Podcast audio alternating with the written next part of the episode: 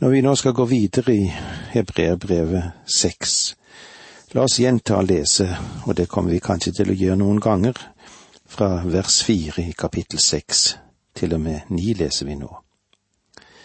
Når noen en gang har fått lyset, har han smakt den himmelske gave og fått del i Den hellige ånd, har smakt Guds gode ord og den kommende verdens krefter. Og de som faller fra, er det umulig å fornye dem så de gjenvender om. De korsfester selv Guds sønn på ny og gjør ham til spott. Den jord som drikker regnet som ofte faller på den og bærer grøde til gagn for dem som dyrker den, får velsignelse fra Gud. Men den jord som bærer tårn og tistel, er til ingen nytte. Forbannelsen er ikke langt borte og ender med at den blir svidd av. Men når det gjelder dere, kjære venner, er vi overbevist om at det står bedre til, og at dere er på frelsens vei, selv om vi taler som vi gjør. I Hebreerbrevet seks møter vi redelige troende, fordi de fremstilles her på mange forskjellige måter.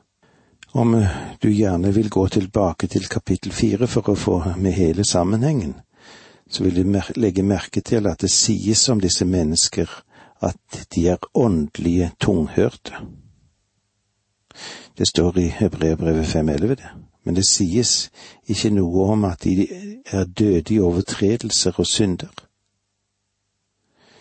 I Hebreerbrevet 5.12 så sies det etter så lang tid burde dere selv være lærere men dere trenger noen som på ny kan lære dere. Dere må ha melk og ikke fast føde. De trenger melk fordi de er barn, men et ufrelst menneske trenger ikke melk, det trenger liv.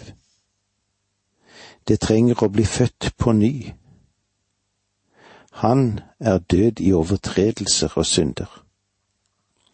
Men etter at du er født på ny, vil litt melk sannelig hjelpe.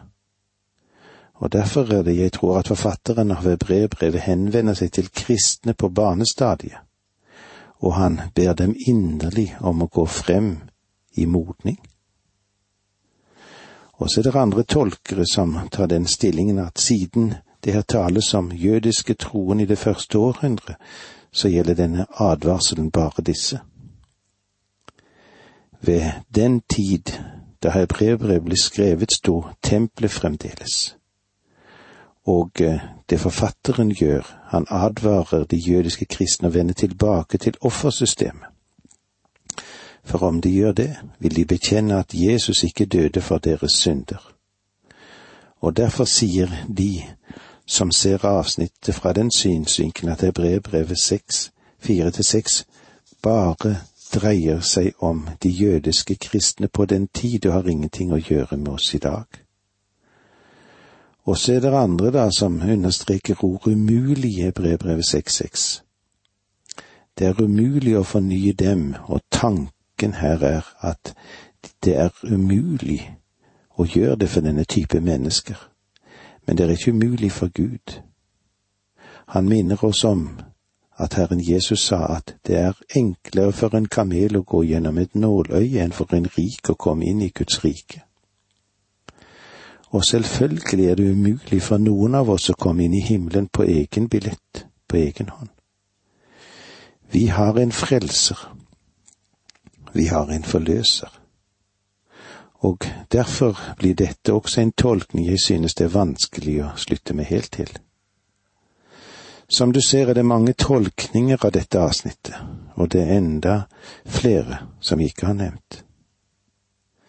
For meg står saken slik at jeg vil henlede oppmerksomheten på at forfatteren ikke diskuterer spørsmål om frelse i det hele tatt i dette avsnittet. Jeg tror at han beskriver frelste mennesker, at de har fått lys, at de har fått smakt den himmelske del av de gaver som Jesus har gitt, og at de har fått del i, av og inn i Den hellige ånd, og at de har smakt gode ord og den kommende verdens krefter. Jeg synes at hele sammenhengen i teksten vitner om at han taler om den lønn som er et resultat av frelse. I vers seks så sier han og de som faller fra, da er det umulig å fornye dem så de gjenvender om, ikke til frelse, men til bot. Å vende om er noe Gud har bedt troende om å gjøre i mange sammenhenger. Les for eksempel de syv brevene til de syv menighetene i Asia som står gjengitt i åpenbaringens bok i kapittel to og tre. Til samtlige menigheter sier han at de skal vende om. Det er hans budskap til de troende. Slik jeg får ut av dette, så taler hebreerbrevets forfatter om frelsens frykt, ikke om frelsens rot. La oss gjenta for hverandre vers ni. Men når det gjelder dere, kjære venner, er vi overbevist om at det står bedre til, og at dere er på frelsens vei, selv om vi taler som vi gjør. Han taler om frukten av den kristnes liv og den lønn som kommer til ham som et resultat av det. Klarer du å se avsnitt i sammenheng med den kontekst, så er dette avsnittet en advarsel til dem om muligheten for å miste deres lønn. Det er en fare, skriver Paulus, at hele ens verk kan brenne opp så det blir absolutt ikke noen ting tilbake å få lønn for. Ingen kan legge noen annen grunnvoll enn den som er lagt Jesus Kristus.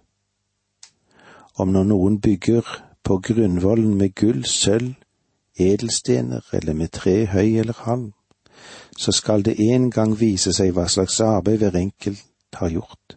Dommens dag skal gjøre det klart, for den åpenbarer seg med ild, og ilden skal prøve hvordan den enkeltes verk er. Om det noen har bygd blir stående, skal han få sin lønn. Dersom han verk brenner opp, må han lide tapet. Selv skal han bli frelst, men da som gjennom ild. Dette står i første Korinterbrev, kapittel tre.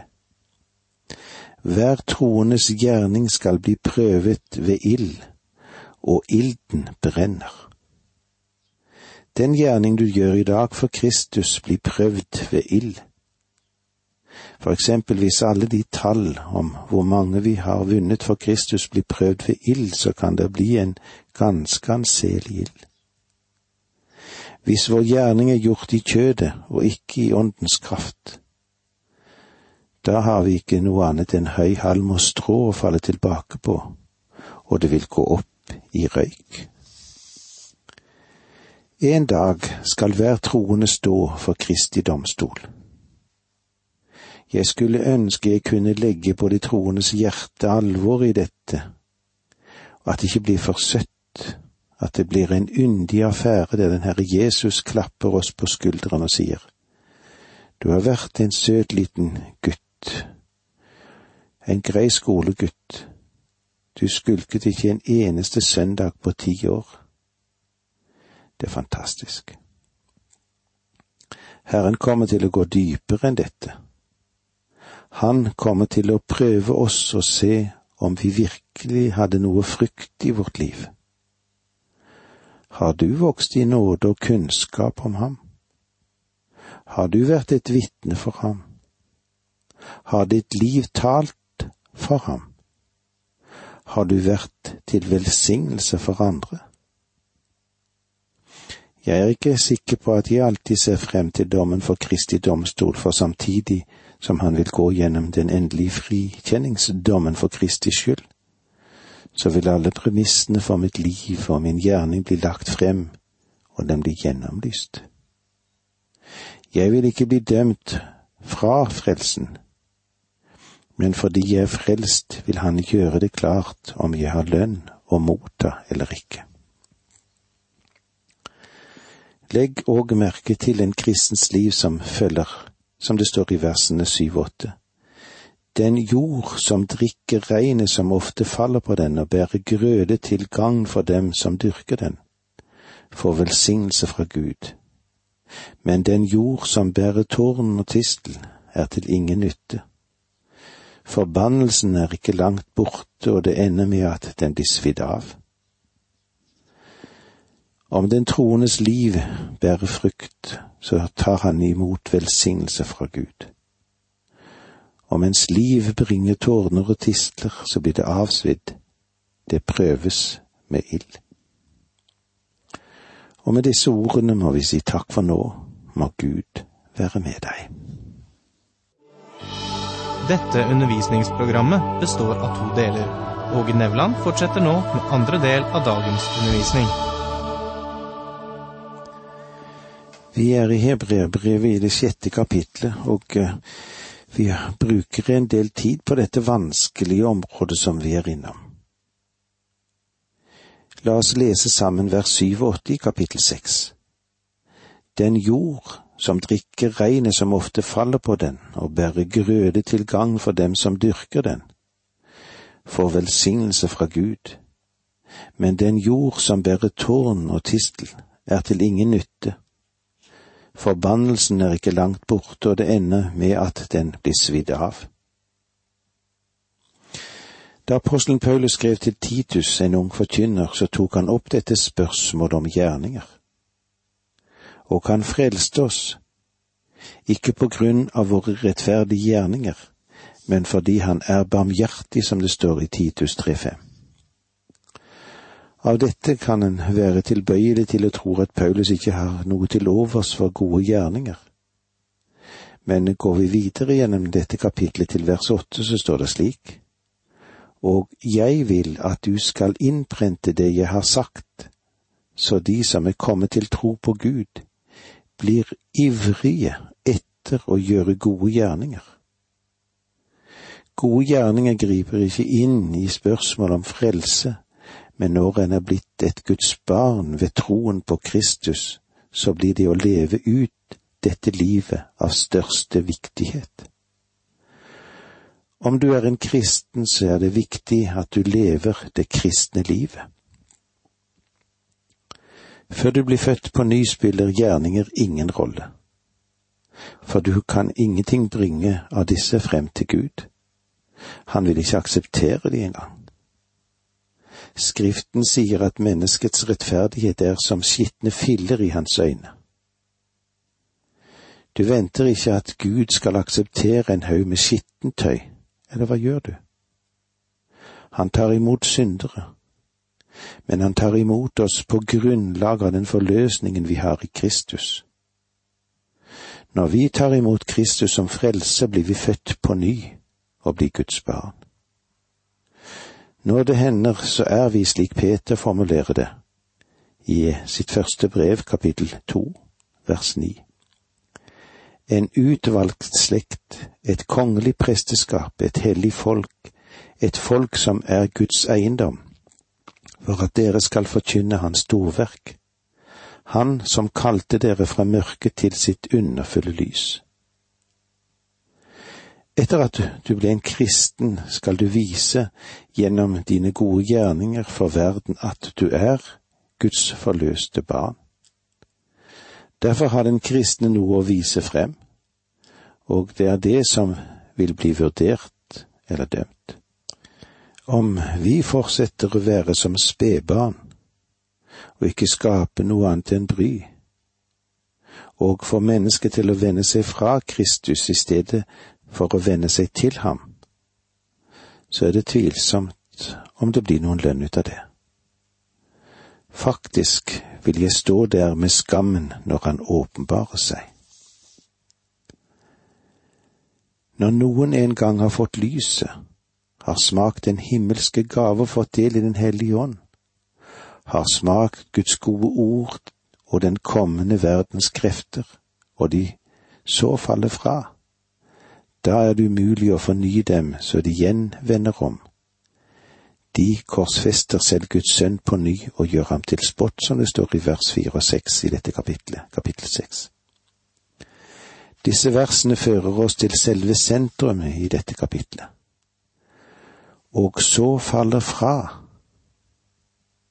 Falle fra. Er det interessant og synes du? På gresk heter det parapipto, og det betyr ganske enkelt å snuble og falle ned. Jeg synes det er ganske umulig å gi dette ordet den mening at det skulle bety et totalt frafall. Det er det samme ordet Herren brukte da han gikk inn i Getsemane hage, falt på sitt ansikt og ba. Det er mange eksempler i Skriften på mennesker som falt fra. Apostelen Peter falt, men han var ikke tapt. Jesus sa til ham, Jeg har bedt for deg at din tro ikke måtte svikte. Peter led nok et stort tap, men han var ikke tapt. Johannes Markus er et annet eksempel. Han bommet så totalt på den første misjonsreisen at da hans onkel Barnabas foreslo at han også skulle få bli med på den andre reisen, så vendte Paulus tommelen ned. Det er eh, nesten som man kan høre Paulus si aldri. Denne gutten har bommet så stygt at når det gjelder meg, så er jeg helt ferdig med ham. Men eh, prise Gud, selv om han snublet og falt, så var ikke Gud ferdig med ham. Selv apostelen Paulus erkjente ved slutten av sitt liv at han hadde feilvurdert Johannes Markus. Og i sitt brev skriver han jo på denne måten, ta Markus med deg når du kommer, for han har vært nyttig for meg i tjenesten. Verken Peter eller Johannes Markus mistet sin frelse, men sannelig bommet de og led store tap på grunn av det.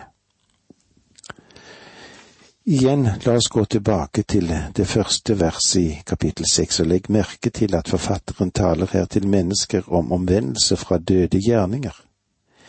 Ikke frelse, men omvendelse i betydning bot. Du husker sikkert at Johannes døperen også forklarte dette for folket. Bær frukt som er omvendelsen verdig. Han talte om det som er bevisst og bevise på omvendelsen. Omvendelse i våre dager må ikke bare bety at man feller noen tårer. Det betyr at du vender ansiktet mot Kristus, som betyr en endring av retningen i livet ditt, i din måte å leve på.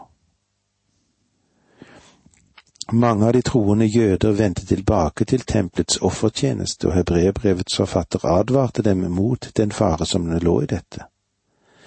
Før Kristus kom, var hvert offer et bilde på ham og pekte frem mot ham. Men etter Kristus kom og døde på korset, så er det slik at det Gud hadde påbudt i Det gamle testamentet, nå blir synd. Du ser her at disse menneskene sto på et meget strategisk punkt i historien.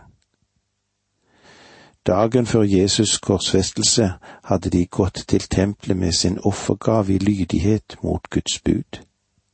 Men nå var det galt for dem å gjøre det. Hvorfor? Fordi Jesus hadde blitt et offer. Jesus hadde blitt et offer én gang for alle. Om du i dag skulle ofre et blodoffer, så ville du på nytt ofret den Herre Jesus Kristus, for eh, de du ville gjennom offerhandling antyde at det han døde for for 2000 år siden var til ingen nytte, at det fremdeles trengtes et offer for å ta bort din synd. Det ville bety at du ikke ville ha tro på hans forsoning, på hans død og hans forløsning. Som en har sagt, så enten korsfester vi eller kroner vi den Herre Jesus Kristus i vårt liv. I dag viser vi enten et liv i tro, eller et liv ved hvilket vi korsfester ham på ny. Spesielt når vi føler at vi må tilbake under det mosaiske systemet og holde den loven for å kunne bli frelst. Det er en alvorlig sak å gå inn i det som har med lovens system å gjøre. Hvorfor ville det være umulig å fornye dem så de igjen vender om?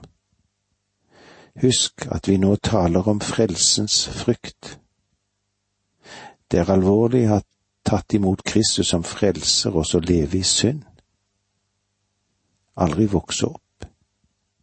Ikke gjøre noe annet i verden enn å reise en svær såte av tre, av høy og av strå.